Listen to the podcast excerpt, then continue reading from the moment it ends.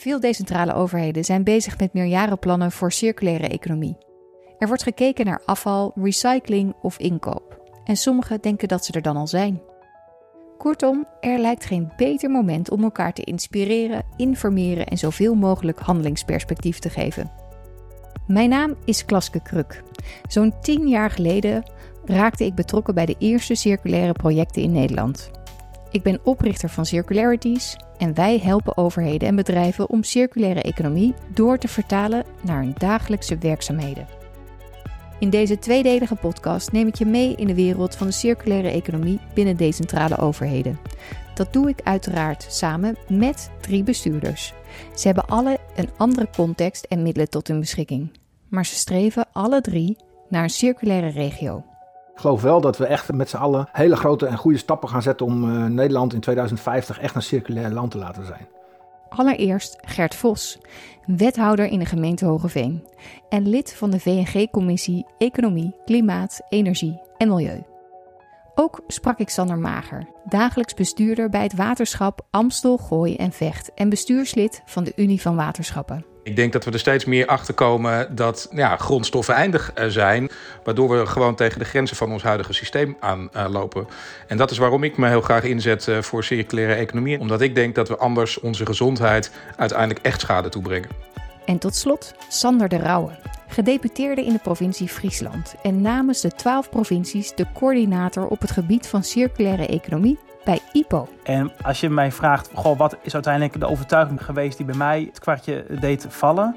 Dat was dat ik zag dat dit eigenlijk de nieuwe economie was. En eigenlijk de combinatie was van goed doen en geld verdienen. En ook in die volgorde. Samen met deze drie bestuurders bespreek ik goede voorbeelden, aandachtspunten, rollen die je als decentrale overheid kan spelen in de circulaire economie en samenwerkingsmogelijkheden. We evalueren wat gezonde ambities zijn bij circulair beleid en hoe je die dan daadwerkelijk kunt realiseren. Laten we beginnen bij de vraag: waarom zouden we een circulaire economie willen? Als we nou niet op een circulaire economie zouden inzetten, hoe zou dat er dan uitzien? Nou, een enorme bergen afval. Veel hogere tarieven bijvoorbeeld ook, hè, die we aan onze inwoners moeten opleggen om die afvalbergen weg te werken. Ik denk dat de droogte een steeds groter probleem wordt uh, in uh, Nederland. Helaas krijgen we daar nu alweer uh, de berichten over het neerslagtekort. Uh, dat betekent dat schoon water schaarser uh, aan het worden is. We zien ook de vervuiling, we zien de biodiversiteit teruggaan. We hebben zorgen over de gezondheid. Dus ja, uiteindelijk is het ook noodzaak, omdat we gewoon zien dat onze aarde gewoon wel zucht uh, onder alles wat we doen. Totaal onverantwoord gedrag zou het toeleiden volgens mij. Chaos misschien zelfs wel. Deze bestuurders zien een circulaire economie als een noodzakelijke oplossing voor problematiek waar we nu al mee te maken hebben. De meeste van ons hebben er nog nooit zo bij stilgestaan dat onze economie direct van de natuur afhankelijk is.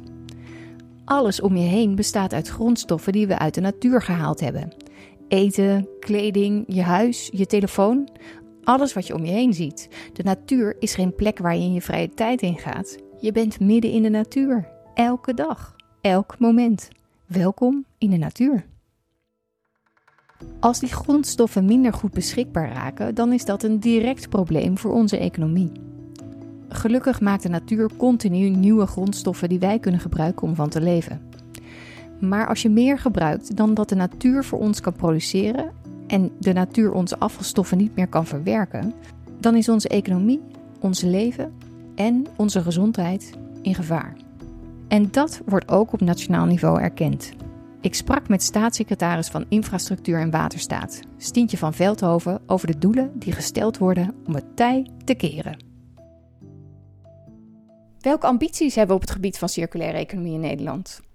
Nou, we willen natuurlijk toe naar een uh, volledig circulair Nederland in 2050.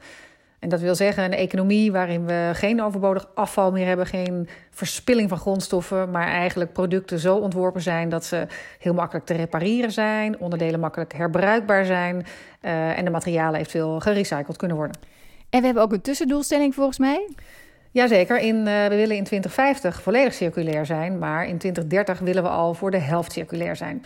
En dat is belangrijk, niet alleen omdat we straks met 10 eh, miljard mensen in 2050 nog steeds op één planeet alles zullen moeten delen. En anders heb je er drie nodig. Maar ook om klimaatverandering tegen te gaan. Onze klimaatdoelen kijken nu vooral naar duurzame energie. Maar we gaan uh, die doelen echt niet halen als we niet ook naar grondstoffen kijken. Die maken een ongelooflijk belangrijk deel van die totale puzzel uit. Nog heel even over die ene planeet waar we alles op zullen moeten delen, waar de staatssecretaris het over had. Misschien heb je wel eens gehoord van Earth Overshoot Day. De dag dat we met alle mensen op deze aarde hebben opgebruikt wat de natuur in één jaar kan maken aan grondstoffen. Je kunt het vergelijken met je eigen financiële huishouding. Als je je salaris in één keer op je bankrekening zou krijgen en het opmaakt binnen een jaar, zal je voor de rest van het jaar moeten interen op je spaarrekening. In 1970 lag Earth Overshoot Day nog ergens in december en gebruikten we met alle mensen op deze wereld dus ongeveer één aardbol per jaar. Maar in 2019 werd het al 29 juli. We gebruiken dus wereldwijd in iets meer dan een half jaar alles op wat de natuur kan maken aan grondstoffen. En dan zijn er veel mensen die zeggen: maar we zijn maar een klein landje. Amerika of andere grote landen die hebben veel meer impact. Maar als je alleen naar het verbruik van Nederland kijkt, dan verbruiken wij ongeveer drie aardbollen per jaar. Onze Earth Overshoot Day ligt op 4 mei. Nederland staat dus in de top 30 van de meest verbruikende landen ter wereld. We hebben dus als klein landje met bijna 200 landen op de wereld flink wat in de melk te brokkelen. Het probleem wordt steeds urgenter. We hebben te maken met een enorme bevolkingsgroei en we consumeren met z'n allen steeds meer, ook in Nederland. Terwijl onze producten steeds minder lang meegaan. En dat levert niet alleen moeilijk verkrijgbare grondstoffen op, maar het creëert ook heel veel vervuiling, waarvan we nu de eerste gevolgen al zien. We krijgen te veel stikstof, PFAS in ons milieu. We krijgen microplastics in ons drinkwater, vervuilde lucht die we inademen of verontreinigde of uitgeputte grond waar we ons voedsel uithalen. We maken dus niet alleen de natuur ongezond, we maken ook vooral onszelf ongezond. Gelukkig zitten we dus niet stil in Nederland en wordt er door decentrale overheden al verschillende circulaire activiteiten ondernomen. Bijvoorbeeld bij het waterschap. Je hoort dagelijks bestuurder Sander Mager. Ik ben trots op hoe we bezig zijn uh, uh, om die rioolwaterzuiveringen uh, echt om te vormen tot energie- en grondstoffenfabrieken. Wat betekent dat, een grondstoffenfabriek? Nou, een grondstoffenfabriek is dus de verandering van afvalwaterzuivering, hè, van, van net het afvalwater schoon genoeg maken, naar echt zien van, hé, maar we halen niet alleen het afval daar eruit, uh, maar dat afval, dat heeft gewoon waarde. Uh, en wij proberen met die rioolwaterzuiveringen, die, door die om te vormen tot grondstoffenfabrieken, juist die waarde van al die grondstoffen weer, weer terug te brengen. Um, en ik vind een, een heel duidelijk voorbeeld daarvan hoe we met fosfaat omgaan. winnen we fosfaat terug uit ons rioolwater, dat heet dan struviet. Um, en dat strufiet dat kan hergebruikt eh, worden, dat kan in de landbouw uh, gebruikt worden als meststof, maar het kan ook weer terug uh, naar, uh, naar de industrie. En dan zie je ook dat er uiteindelijk ook commerciële partijen hier belangrijke partners in worden om dit verder te brengen. Ook Gert Vos, wethouder van de gemeente Hogeveen, gaf een voorbeeld waar hij trots op is. Wij gaan binnenkort um, PMD-afval, ik mag geen afval zeggen, grondstoffen. Um, en GFT-grondstoffen gaan we inzamelen bij basisscholen. Kinderen hebben tegen mij een keer gezegd dat ze het vreemd vinden dat ze thuis afval kunnen scheiden, maar op school niet. En dan denk ik, ja, als een kind dat zegt, dan, dan is dat gewoon, dan moet je er wat mee. Hè? Dus wij hebben geregeld, hoewel het bedrijfsafval is, volgens de letter van de wet, maken wij een uitzondering. En we nemen de basisscholen gewoon op in de huisval, huisafval-inzamelingsroute uh, in Hoogveen. Nou, dat vind ik mooi, want je kunt niet jong en vroeg genoeg beginnen met circulair denken. Een voorbeeld waarbij goed ingespeeld wordt op de initiatieven die vanuit burgers ontstaan en waar je als decentrale overheid het verschil kunt maken. Kinderen brengen hun ervaringen weer mee naar huis en daarmee bereik je ook hun ouders. Je circulaire economiebeleid moet natuurlijk wel verder gaan dan alleen scholen. Het duurt ongeveer 20 jaar voordat zij aan de knoppen zitten en een verschil kunnen maken. Daarnaast, we denken dat we met afval scheiden en recyclen al een heel eind op pad zijn naar een circulaire economie. Maar hoeveel draagt recyclen eigenlijk bij aan een circulaire economie? Volgens het CBS recyclen we zo'n 79% van al ons afval in Nederland. En doen we het dus heel erg goed. Wacht heel even met de vlag uithangen. Hier zit een flinke adder onder het gras. Want hoe kan het dat we met 79% recycling toch een Earth Overshoot Day hebben op 4 mei? Laten we eens kijken naar totale materiaalgebruik in Nederland. Hoeveel procent daarvan bestaat uit gerecycled, hergebruikte grondstoffen? Hoe vaak lukt het ons om dat gerecyclede materiaal weer opnieuw in te zetten, zodat we geen nieuwe grondstoffen hoeven te winnen? Houd je vast. Slechts 13% van alle grondstoffen die we gebruiken in Nederland bestaat uit gerecycled materiaal, berekende het CBS. Dus ondanks dat we kampioen afvalrecycling zijn, wordt er slechts 13% weer hergebruikt. En zijn we dus nog steeds sterk afhankelijk van nieuwe grondstoffen. Waarom is dat getal niet hoger? Dat komt voor een groot gedeelte omdat we steeds meer gebruiken en we producten steeds korter gebruiken. En zolang we dat blijven doen, blijven we steeds nieuwe grondstoffen nodig hebben om meer te kunnen maken. Het is dus dweilen met de kraan open. Daarnaast kunnen heel veel van de grondstoffen niet op dezelfde gelijkwaardige manier ingezet worden. De materialen van een oude telefoon kunnen bijvoorbeeld niet zomaar weer gerecycled worden tot een nieuwe telefoon. De kwaliteit van de grondstoffen gaat bij recycling vaak achteruit, waardoor we niet meer dezelfde producten kunnen maken. Sander de Rauwe van de provincie Friesland weet ook dat we er met afval scheiden en recyclen alleen niet komen. Ik vind het mooie aan het onderwerp bij circulaire economie dat als je je echt in verdiept, dan, dan kom je er eigenlijk achter dat afval totaal niet ter zake doet in een nieuwe economie. Afval is het beginpuntje waardoor we even wakker zijn geschud. Is het moment waardoor we dachten we doen iets verkeerd. Maar als je verder kijkt, is afval iets wat heel gauw vergeten moet worden en een restproduct uit het verleden. De nadruk zou dus niet uitsluitend op afval, het scheiden van afval of op recycling moeten liggen, maar zou bijvoorbeeld meer nadruk moeten komen te liggen op het ontwerp van producten, zodat we de producten kunnen blijven inzetten en überhaupt niet weg hoeven te gooien. Verschillende organisaties, waaronder het PBL, werken met airladders. Het zijn principes van de circulaire economie. Het PBL onderscheidt er 10. Hoe hoger je op de R-ladder aan de slag gaat, hoe effectiever je circulaire aanpak. Er zit dus een prioriteitsvolgorde in die ladder. Bovenaan staan principes als vermindering van gebruik, het efficiënter inzetten van producten of het hergebruiken van producten. Onderaan de ladder afvalverbranding voor energieopwekking en recycling. Recycling is dus een van de laatste opties in de circulaire economie.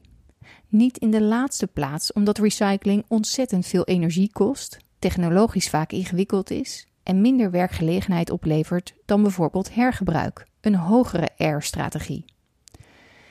En door hoger op de R-ladder te gaan zitten, bij bijvoorbeeld aanbestedingen, plannen van aanpak en uitvoeringsprogramma's, voorkom je dat producten afgeschreven worden en voorkom je dus afval. En als er dan toch nog afval ontstaat, helpt recycling en dus scheiding. Maar wel in die volgorde. We zouden er dus goed aan doen om bijvoorbeeld bij onze leveranciers te informeren waar de producten die we inkopen van gemaakt zijn. En hoe die bijvoorbeeld herbruikbaar zijn in een volgende levensfase zonder kwaliteitsverlies. En als er dan uiteindelijk toch afval ontstaat, is het slim om ook bij de afvalinzamelaar na te gaan wat er uiteindelijk met de individuele afvalstromen gebeurt. Wat gebeurt er met afval dat is ingenomen? Wordt deze reststroom verbrand om energie uit terug te winnen?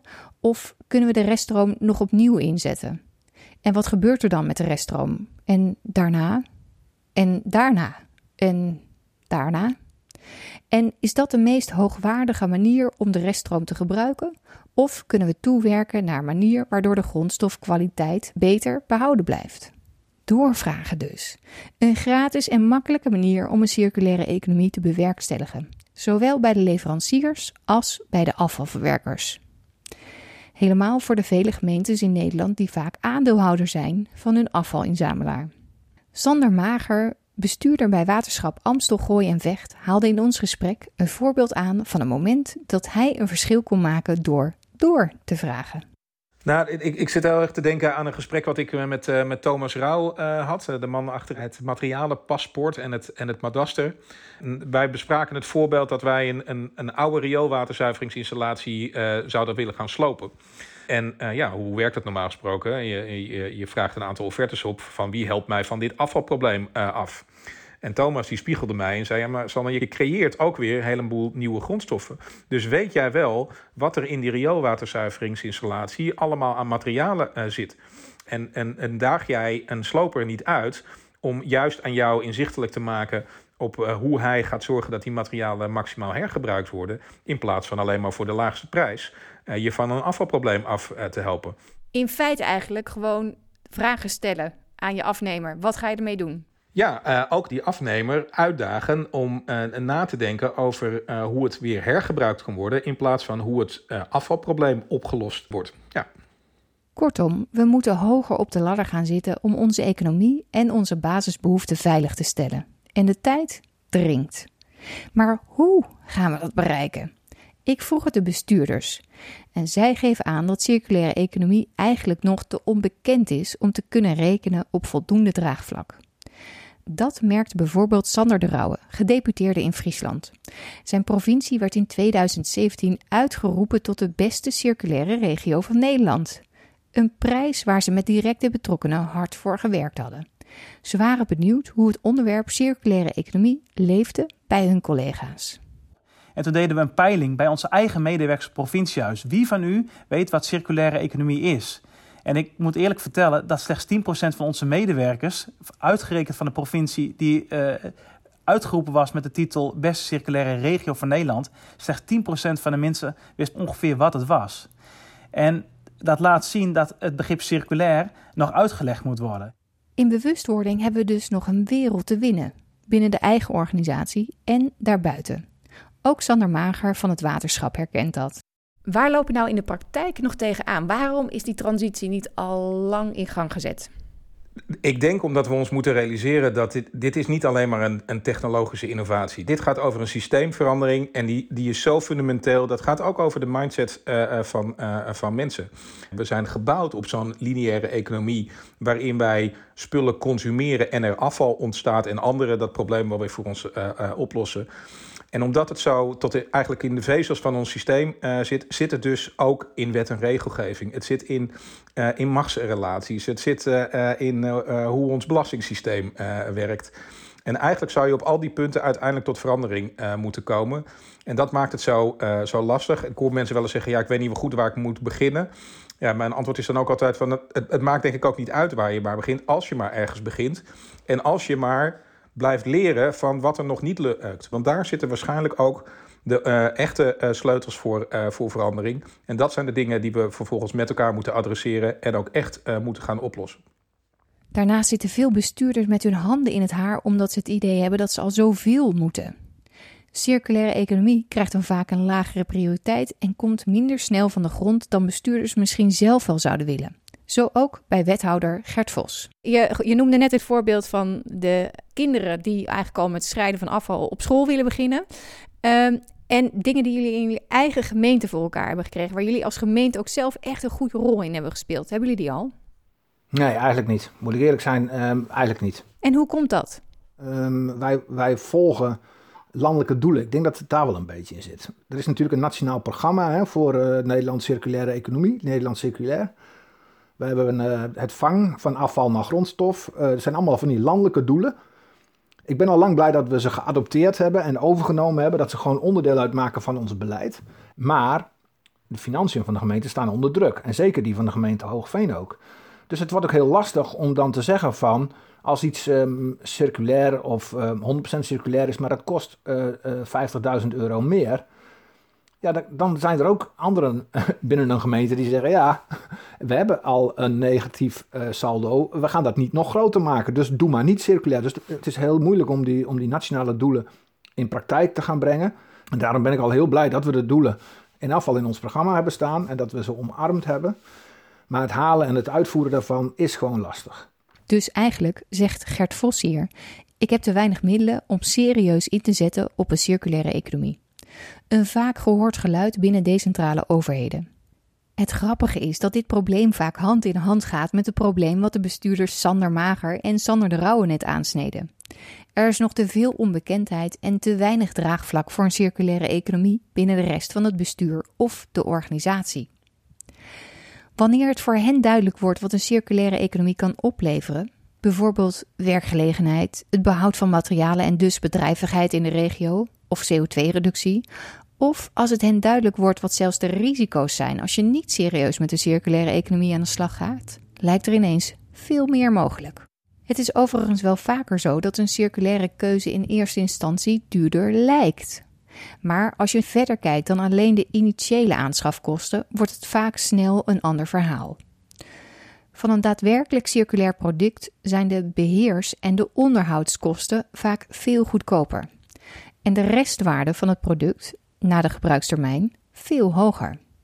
Dat noemen we total cost of ownership.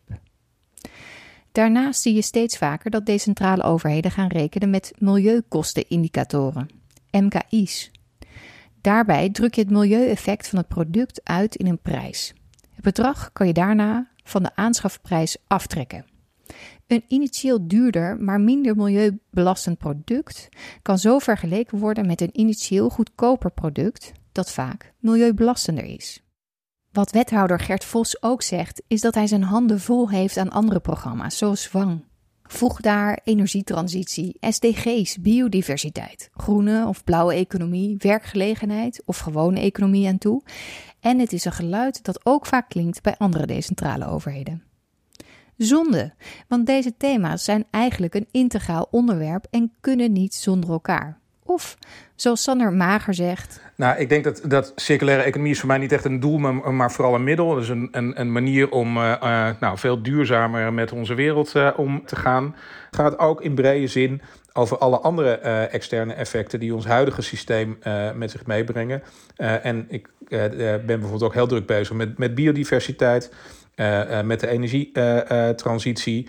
ook om onze klimaatdoelstellingen te halen. Want uh, de manier waarop wij op dit moment produceren leidt ook tot ontzettend veel CO2.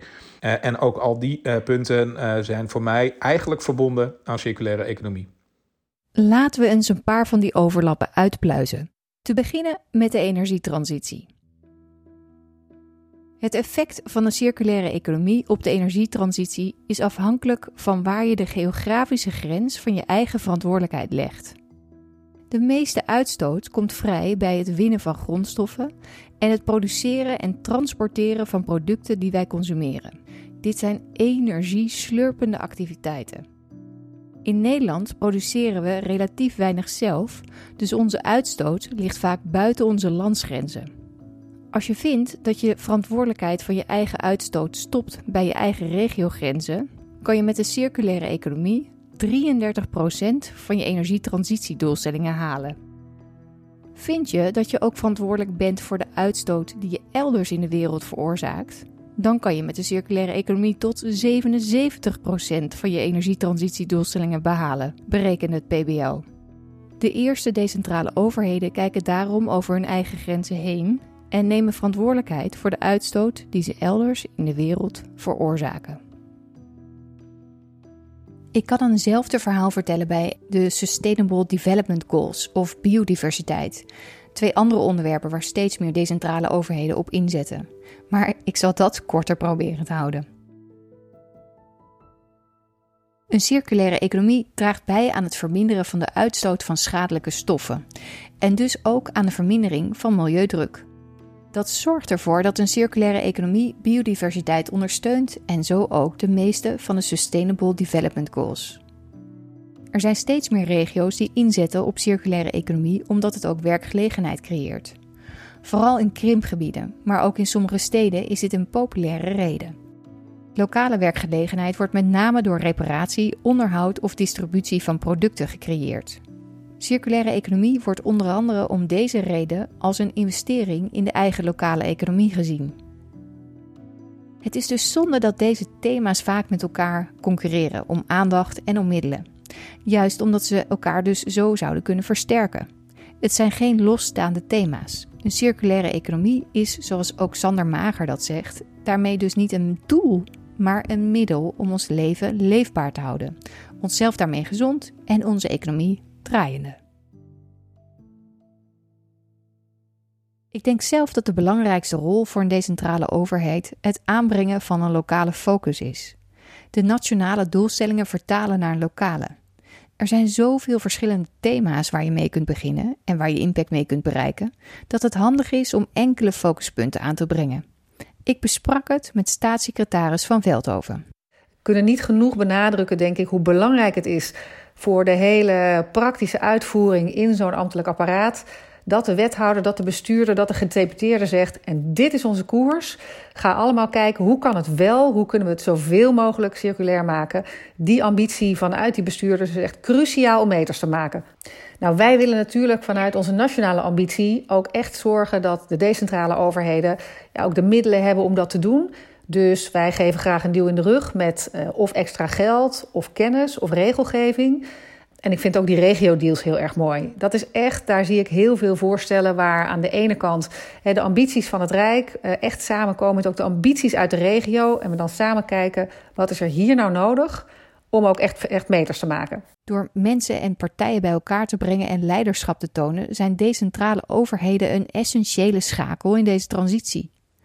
Juist omdat de potentie van de investeringen pas langzaam zichtbaar wordt. Sander Mager van het Waterschap juist wij als Unie van Waterschappen, als koepelorganisatie, zijn ook in staat om dat soort systeemblokkades ook op een andere, uh, andere tafel ter discussie uh, te stellen. Bijvoorbeeld in onze overleggen met andere uh, koepelorganisaties en met het, met het Rijk. En zo met elkaar echt tot een actieagenda te komen van hoe brengen we dat verder. Dus mijn streven is heel erg. Kom nu van goede, innovatieve, leuke experimenten naar echt een actieplan op systeemniveau. En waar moet een actieplan op systeemniveau aan voldoen? Uh, ja, aan, aan heel erg veel. uh, uh, maar vooral aan, aan, aan kritisch durven zijn op wat er allemaal nog niet goed genoeg gaat. Wat ons vasthoudt om de transitie te maken. Um, een oude leermeester van mij had het wel eens over vanzelfzwijgendheden.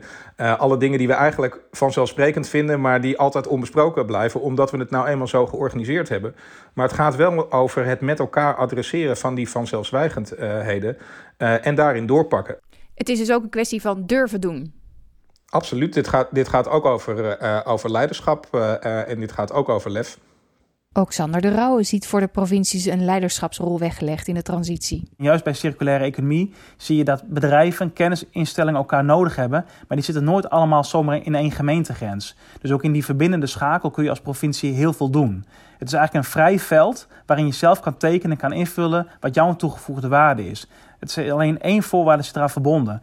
Je moet als provincie zelf de stap zetten. Want ik vind dat provincies wel eens iets te bescheiden zijn. Ze zijn een middenbestuur in Nederland. Maar ze kunnen juist, uh, als het gaat om die visie, een hele verbindende rol vervullen. En die verbindende rol kan je ook vervullen als je weinig middelen hebt, zoals wethouder Gert Vos aangeeft. Nou, het beste is gewoon uh, enthousiast zijn um, uh, en, en er zelf in geloven. Als je er zelf niet in gelooft, kan je dat ook niet verwachten dat anderen om jou heen dat doen.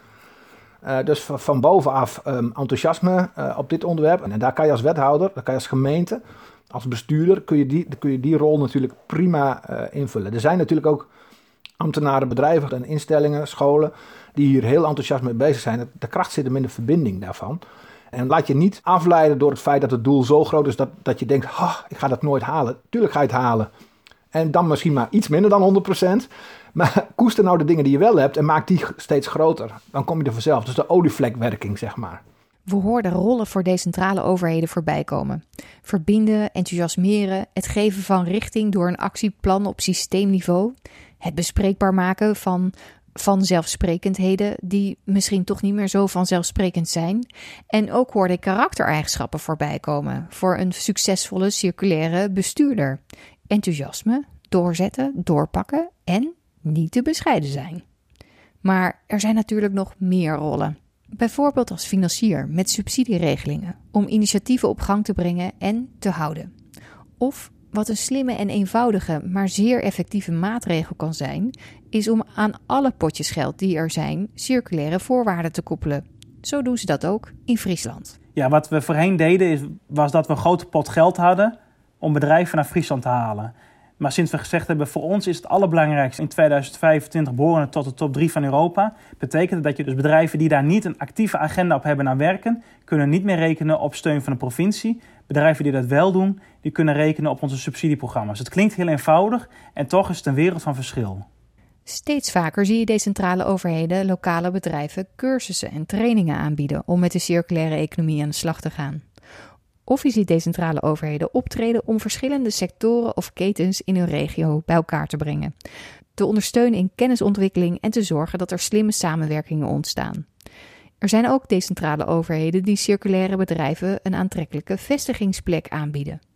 Maar de meest gehoorde rol is die van circulair inkopen. Sander Mager van het waterschap over hun rollen.